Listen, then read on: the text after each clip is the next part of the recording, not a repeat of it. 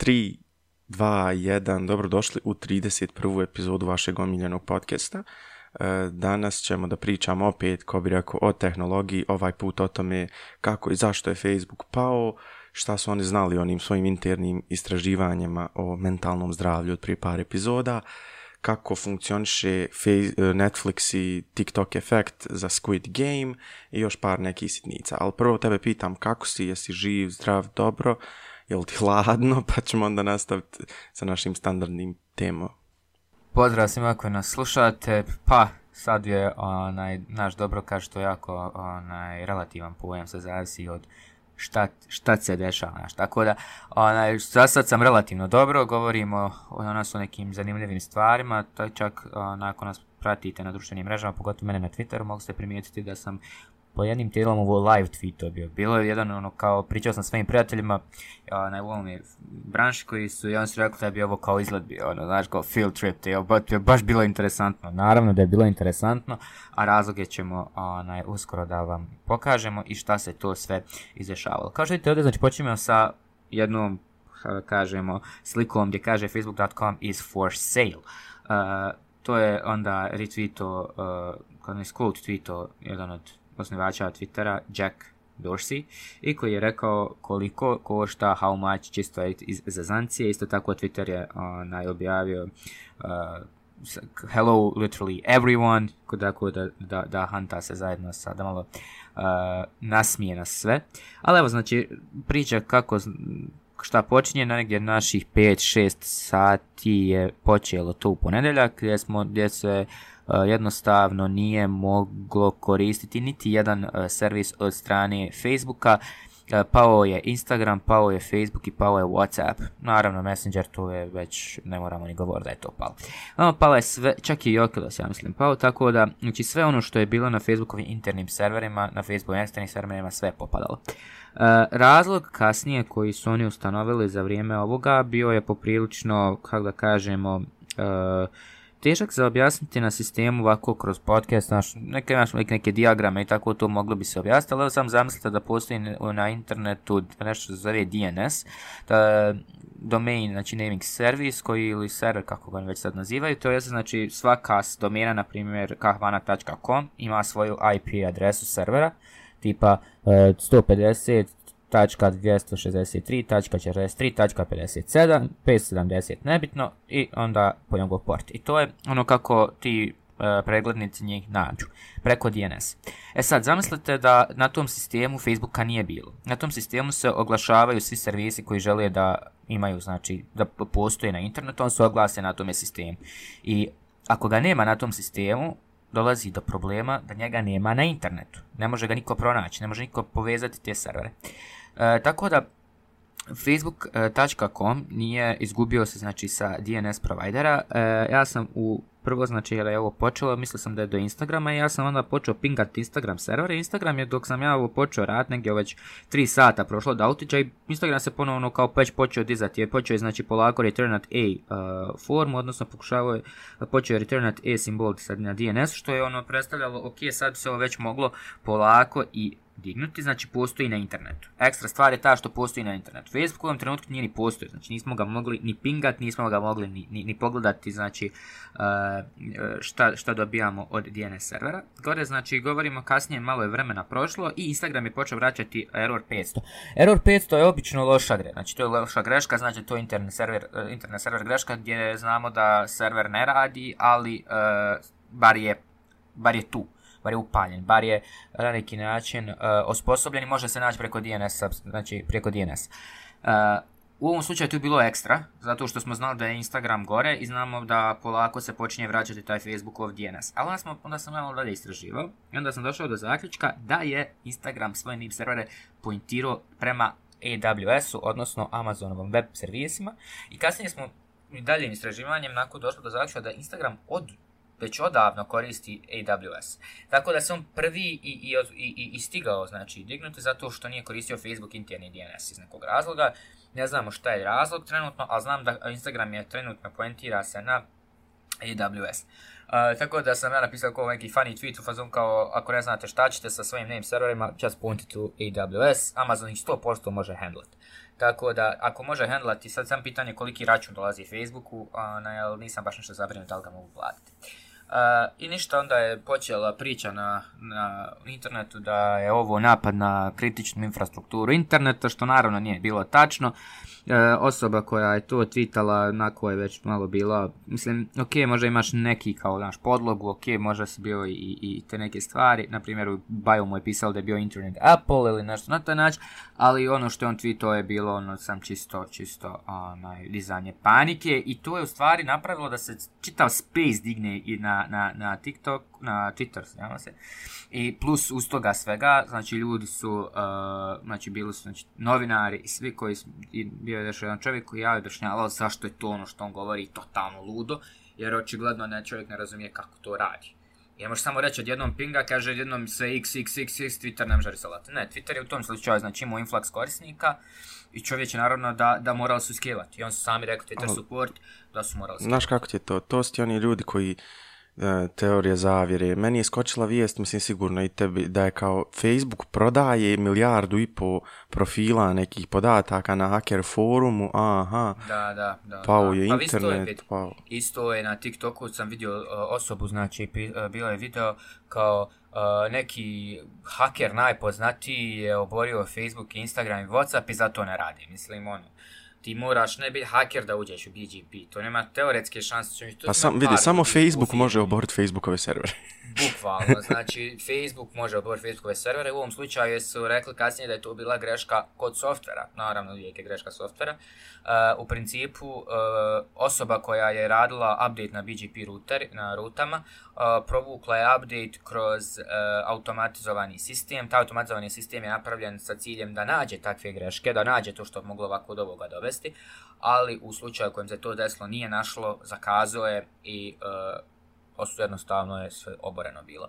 Tako da to su neke znaš, stvari kojima je ljudi, teš, teško je ljudima shvatiti da, da nije ovo bio baš napad na cijelu infrastrukturu interneta, nego jednostavno serveri radi na principu skaliranja i sasvim normalno je da je twitter.com e, nakon inflaksa toliko korisnika sa svi, znači to su bukvalno riknule dvije najveće, dvije najveće društvenih mreža, znači odjednom što je i još Whatsapp usto. I onda je također bila priča da je Whatsapp oboren da bi se onaj third kao world countries onaj, uništila i neke stvari koje baš nako nemaju neke laki. Ako želite pročitati više o ovome, imate na uh, Cloudflare-u, a isto tako zanimljivo je nakon što se dešavalo i kako su se dizali i Whatsapp i Facebook, nakon neki, nakon što se Instagram nakon počeo dizati smrtvi, nakon toga uspostavljeni i Facebook.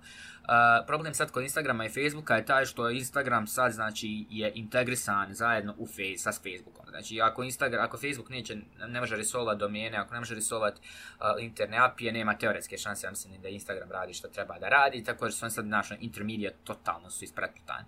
Uh, tako da imamo to i imamo onda polako kad su počeli se dizati, onda naravno svi su pokušali kad je vidjeli da radi malo Instagram, hajmo sad probati Facebook. Facebook je onda doživio 400 dva, ja mislim, greško, ja sam to bio objavio, što je u stvari bukvalno onaj, too many requests. Jednostavno, server je počeo da handla previše requesta odjednom i ljudi su bukvalno dosali Facebook uh, za vrijeme njegovog dizajna iz mrtvih. Tako da sva sreća pa imaju servere da to izdrže, ali realno da budemo to je jako loše. Isto vas neko tuča i pokušavate ustati. Ili, ili uh, pokušavate ustati, a neko vas se znači on udara. Ide stampedo preko tebe. Ide stampedo preko tebe, ti ustaješ. Znači nema teoretske šanse. Tako da, još je bila jedna stvar, to ono kad ste, ne znam ste primijetili, da je na Instagramu počelo gradually da rade servisi. Znači, to je bilo, prvo je znači radio feed, niste mogli ništa uploadat neko vrijeme, onda su počeli story da rade, ako se objavljuju, se mogli ste čitati, većinom će to je bio onaj tipa to je nekim sistemu mikroservisa kako to radi, uh, heksagonalski kako su oni već to napravili u svoju infrastrukturu, da imate servise, pa servis jedan radi, pa drugi, pa treći i oni se znači jednostavno šire polako. Ja sam to na svom, uh, svom profilu objasnio kao treniranje, znači zagrijavanje prije treninga. Znači morate prvo zagrijati sve mišiće da izdržite neki load na treningu. I to je to, on su polako zagrijavali se onaj, po tom pitanju, nisu odmah htjeli da handlaju calls, nisu odmah htjeli da handlaju od jednog milijon poziva u sekundi ili koliko oni već handlaju na, na tim bazama, to su ogromne, ogromne cifre. A definitivno znamo da je Mark izgubio nekih 7 milijardi dolara na, na berzi, tako da mislim da će preživjeti, ali hajde, bit će neka donacija. E sad ćemo vidjeti koliko je izgubio Facebook stock. Uh, znači, on, naš kolega je, uf, uf, ček.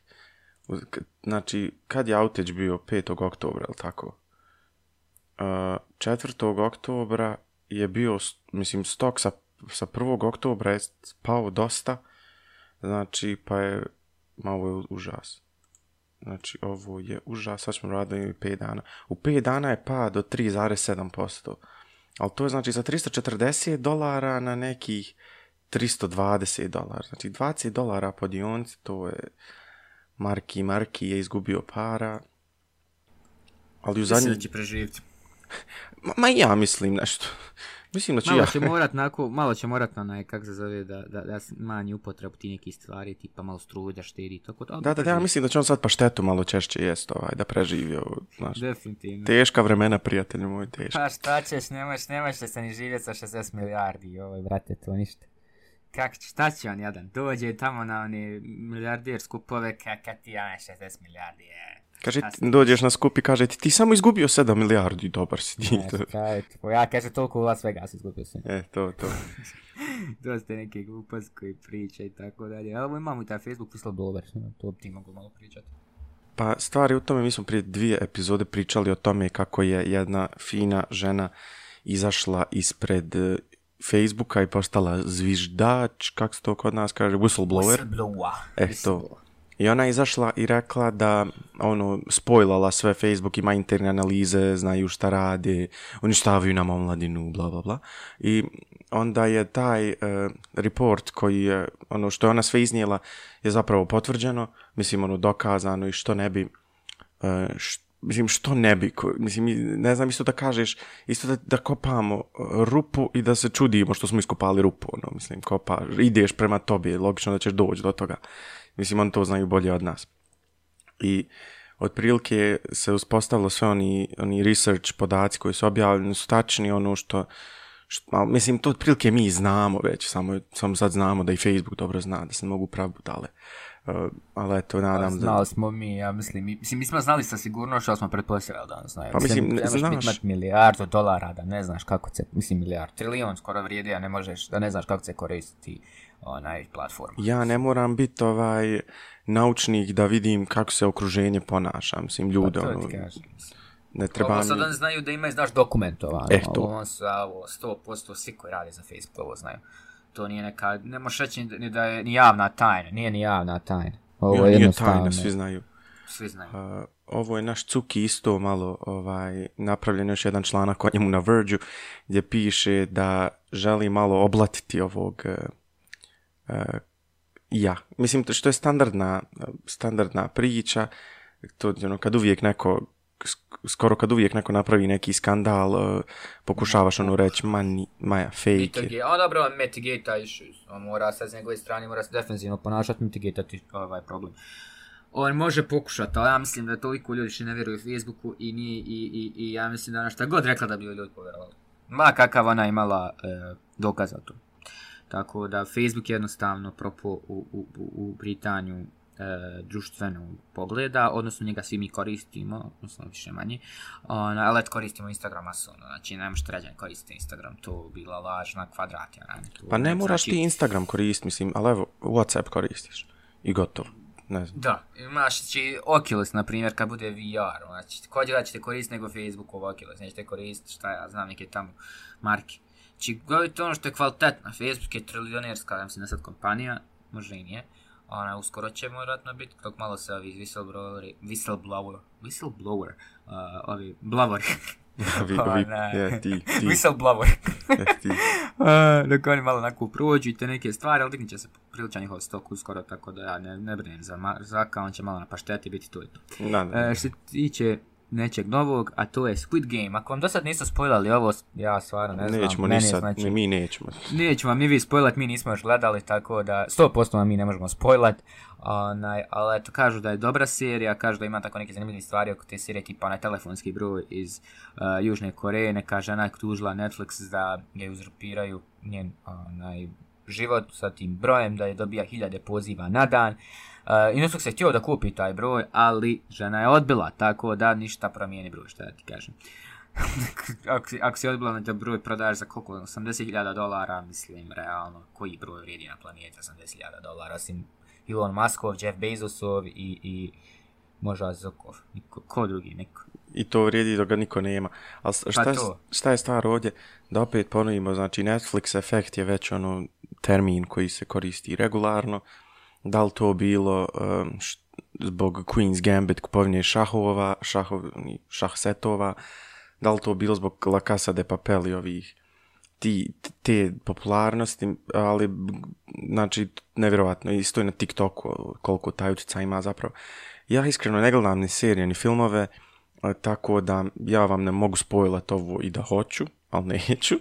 Ja mnogo više gledam serije i filmove, ali ovo još nisam gledao, onaj, gledao zato što su, i to je izašlo neka prošla sedmica, mislim. Onaj, vidi, nije više ni fazon da ono gledaš samo najnovije i odjednom znači svi gledaju se pričaju o tome.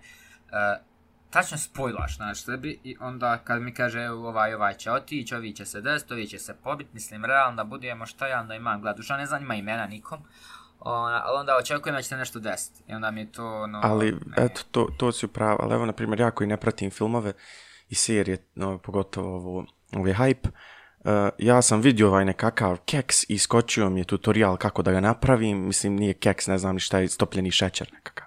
Mislim, meni, to, nemam pojma o čemu se radi, ali ja sam vidio to i vidio sam da ovi likovi iz filma drže to, ono, na, na, negdje na internetu, onda sam skonto, hej, ja nemam pojma ništa o ovom, ne zanima me, ali mene uh, Instagram ili Facebook hrani na kašku ovim, uh, To ti kažem. Isto je meni sa pitanju one lutke kao ono što govorim što kreni, kreni, stop, stop na korejskom.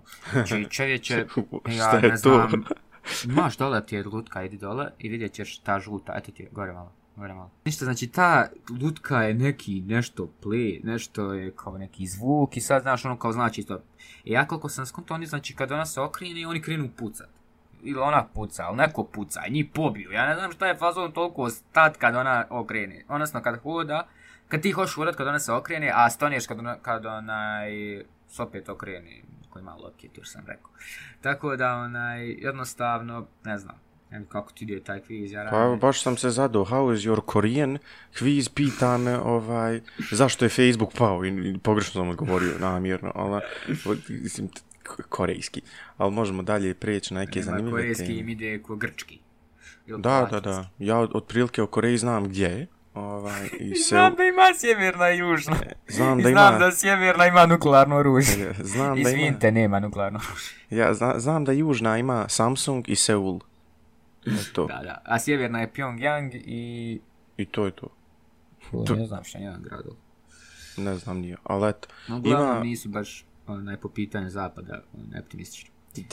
Ali ova zanimljiva vijest ovaj koja totalno nije ono to, totalno nije political. Uh, Google i YouTube kaže da neće više monetizovat content koji promoviše climate change denial. Znači oni koji govore da, da nam se ne mijenja malo ekologija. To je nešto ti pita, ono, pitanje smo prošli put pričali u Kaji već put, ne znam, ja iskreno, ono, da li mi dozvoljavamo tim mrežama da nam ovako diktiraju to, ono, je za mi svi većina društva misli ovako, onda imaš i druga društva koji ne misli tako i onda opet to znači da je to forsiranje jednog mišljenja.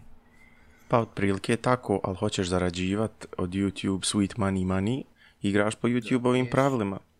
po sweet, sweet money money problem. Tako da to ti je tu. Bet, ja ne znam iskreno da li je po pitanju toga da li treba imati više ti pogleda kad znači scientific facts govore jedno i govore da bi mogli mi izgledno biti doomed radi takvi što govore da je climate change unreal.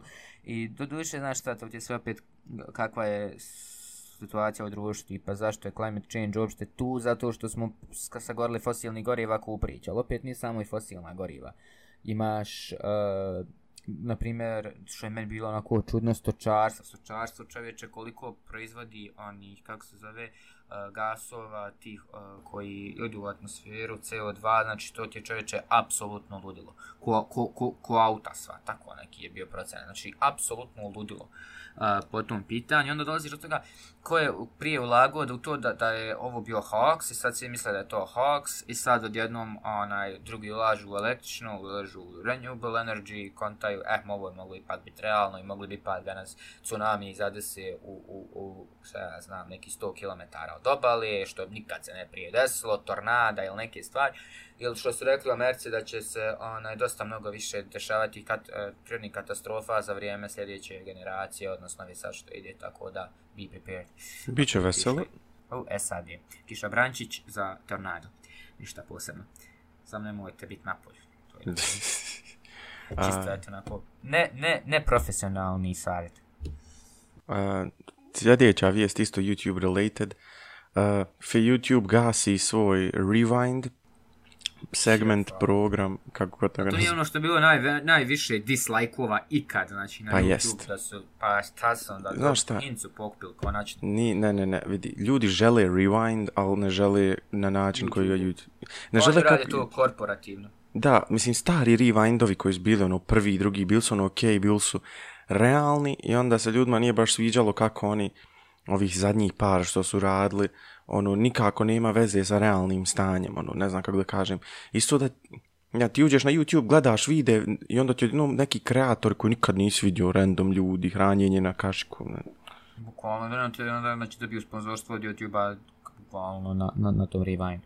I još imamo kao naše neki segment Tesla i TikTok. Tesla je promijenila sjedište u Texas, otišla. Evo ovo je meni zanimljivo. To smo mislim nekad davno pričali o tome da se dosta, uh, dosta ti kompanija mijenja headquarters najviše zbog tih uh, tax tax laws, tax, ti neki taksi i sad uz to i epidemioloških mjera, tako da no, ništa ne čudi. Tesla, Elon zna se šta misli o Texasu, zna se šta misli o Kaliforniji, Ču, teško će mu biti da SpaceX Quarters prebaci iz Kalifornije do duše, tako da onaj, mu je- Tesla definitivno može. Da, mislim, ovo je samo pomjeren HQ, neće on iselit čitav Teslu iz Kalifornije, ovo je samo Pa vijest, da, ono, zna, pa da, kao headquarters je pomjeren. Što A sp SpaceX launch site je u Teksasu. Ono, kupili su čitav grad. Uh, da, imaš launch site gdje testiraju ne rakete, imaš i uh, Cape Canaveral u E. Floridi gdje lete. I to. A imaš onaj, kako se zove, i oni znaju poslati rakete i iz Kalifornije, ako ne mora, na primjer, šta ja znam, dosegnuti neku određenu vrijednost, tako da, onaj, ne znam kako on to procjene. Uglavnom znam da još imaš SpaceX Quarters u Los Angelesu, znači bukvalno prođeš pored prvo, uh, pored stage-a Falcon 9 stoji ovako, znači, za, znači na, na pod, to je ogromno, čeče nekih 450, koliko već metara, može isto. Onaj, to je ogromno, uglavnom na first stage, kako kad se spustio i tu ga je, tu je montirano i SpaceX ima, znači, ogroman, ogroman tu dio. A tu, znaš šta, tu, razumijem zašto je headquarters, na primjer, s Tesli, uh, ok, haj, jasno, Texas tiše manje, ali razumijem zašto je bilo u Kaliforniji. Blizu je Silikonska dolina, blizu su im inženjeri, blizu su im ljudi koji se bave time, koji znaju to. Tako da je to imalo ok. Ovako sad, Austin, Texas, znaš, sad je to pitanje da li, da li je to isplativo i da li će imati dovoljno developera do koji će biti ok, haj, mogu smo se preseliti, ili ako bude remotely, znaš. Tako da sve to zanimljivo onako po pitanju tih stvari, još je plus renta dosta, dosta jeftinija, jer je Texas mnogo ogroman, znači ne znam koliko u Bosni se može stati u Texas. to na, ja sam još gledao, mislim, Teslini ljudi koji njima treba radnika da prave auto i treba im ljudi da razvijaju to. I sad gledao sam ove ljude što kao bježe iz Kalifornije, uslovno rečeno. U San Francisku trenutno, koji je ono centar silicijumske doline Silicon Valley-a, uh, odlaze ljudi i najmanji house occupancy rate u Americi. Ono da su kuće zapravo, ono da su nekretnine popunjene, da neko živi, da imaš dosta praznih nekretnina. pogledaj cijenu. Cijenu u San Francisco. Apsolutno ludlo. A imaju najviše homeless people. Pa to, Homeless. uslovi koje Kalifornija nudi su nedovoljni, ono nije više, nije više to to. Se ne isplati, na primjer, da ti država, kad ti uzimaju plate porez, prvo, kad, prvo ti država uzme, ne prvo ti onaj e, federalni nivo uzme, ono, SAD ti prvo uzme pare, pa ti uzme Kalifornija pare, i onda ti ostaneš na pola para, ono, na 50% taxation. I onda se tebi ne isplati živjeti, ono, Silicon Valley tech bros, kako se već kaže. Ma ne, možete samo, to je samo radi VC-eva da li se bit, bit u nekom sistemu. Što se tiče cijena i gdje tebi ležu, ležu onaj, te monetarne s- stvari, to definitivno ne isplati se u Kaliforniji zbog velikog poreza. Pa ja ranim, ja mislim da ima veći porez od švedske čovječe, kad ko 50%. Socijalizam. Pa, to vel su oni, do, sve. E, sad je pitanje, socijalizmu imaš stvari da nemaš homeless, da nemaš problema sa beskućnicima, zato što ljudi država, iz toga što uzme porez, plati. A gdje da ovdje ovaj porez, ja ne znam. To ne mogu da to shvatim. A, A, ka- onaj, gledao sam šta je ova vijest, bilo što sam gledao, ono, ne, House Occupancy. E, Ljudi nemaju para da održavaju one biznise koji su, ono, nabuvam, restorani, kafići, ono, u gradu, u financial districtu, ono, nemaju kome servirati, ono, prazno, ne, nevjerovatno Nema isto. ljudi, pa Ja. kažem, nema ljudi koji mogu to priuštiti zato što su im otišli. Ali evo, sad imaš i toga da, onaj, što se tiče, dobro, Los Angeles ima 8-9 miliona stanovnika, tako da to, ono, ljudi žive dole, znaš, tako da San Francisco isto tako ima milione stanovnika, nije to baš ono, e, ono, prazan grad, zombi apokalipsa, nego jednostavno se polako osjeti taj neki shifting uh, tih, tih stvari, i bilo vjerojatno će uskoro i rente morat padat jer neće imati ljudi, znači će to što dole žive, a plus onaj, troškovi koji uz to nose nema apsolutno nikakve laki. Ali evo, onaj, ostala nam još jedna a, priča, ostalo nam je da pričamo o TikToku koji polazi na LG Smart TVs. E, ok, ovo je meni zanimljivo zato što, pa sam pričao s jednim likom, onaj rekao, hej, da li znaš kako e, TikTok gledati na TV-u? Uh, first of all, why? Baš. Ali, onaj, kaže, pa eto, ja volio da gledam, kaže, to na TV-u, dok scrollam na telefonu. Ali ne TikTok da scrollam na telefonu, nego da mu prolazi oni videa na TV-u, a scrollaš na telefonu. Rekao, zanimljivo, onaj, ali ne znam, bogam, kako bi vertikalna slika na, na TV izgledala, to me se čini baš na gubljenje prostora. Znači, kad ti vidiš vertikalnu sliku na TV-u, znam, sjeti kad gledali kako to izgleda na, na, Ma, na, na TV-u, ali nije baš najbolji experience. Pa ćemo vidjeti kako će to naš dragi prijatelji u TikToku da riješe, ali to znači dolazi na uh, Smart TVs, uh, sam- čekaj, možda već imaju, čekaj, the app is launching in UK, France. A, ok, znači tek lansiraju Smart TV aplikaciju za Samsung TV i Android TV. Znači ako imate Android box ili šta već, haman da ćete moći imati i TikTok na njemu. Uh, Meni je ovo dalje. zanimljivo samo ko pojava. why, ali eto. Meni je samo zanimljivo da su oni uspjeli toliku potražnju naći da na TV-u gledaš TikTokove koji traju minutu do tri. Znači taj tip s kojim si ti pričao. Kako, znači ja upalim TikTok evo na TV-u. Ja na telefonu scrollam nešto drugo. Ja ne, ne mogu ni jedno ni drugo pratiti adekvatno. Ja znam, znao sam nekad upaliti film na TV-u i ono da bez veze na telefonu. Sam da ima background noise. E pa to, možda to hoće, nema pojma. Što će mi TikTok background noise? Ide prebrzo. TikTok uvijek bio mnogo, mnogo fokusiraniji od nekog, tako što si rekao, background filma i tako.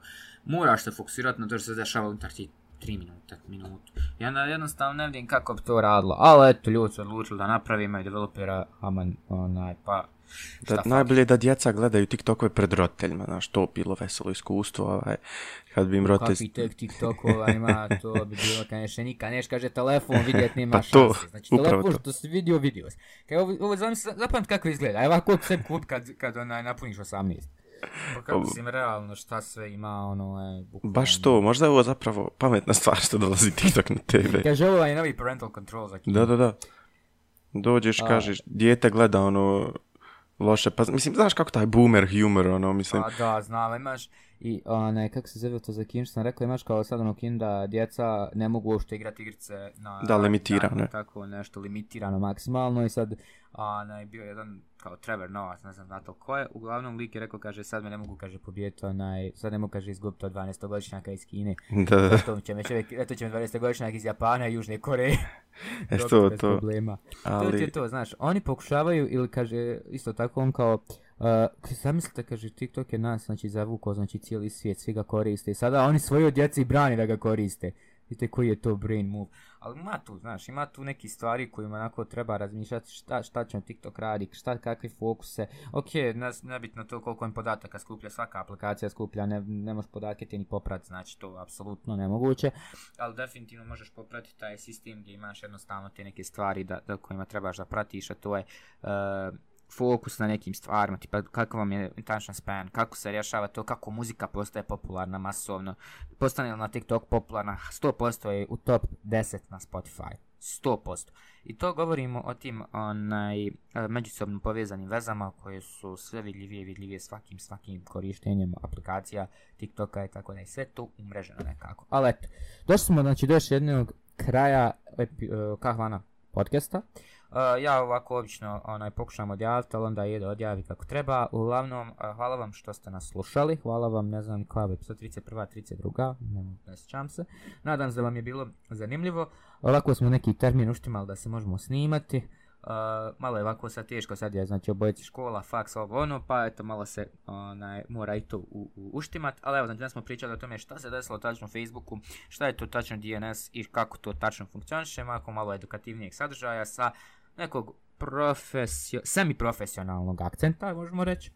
A, zatim smo gledali, znači, Facebook, opet smo malo nešto pričali o tim nekim stvarima što Facebook radi, kao koliko, koliko im je na berzi spalo i da li će nam Mark Zuckerberg malo na, duže jesti pa štetu. Uh, imamo taj Squid Games koji je ono ludost koja je pokorila internet, imamo Google i YouTube, znači govorimo o tome da će da su zabranili neke određene vijest po pitanju climate hawks, kao da je climate change hawks i tako dalje.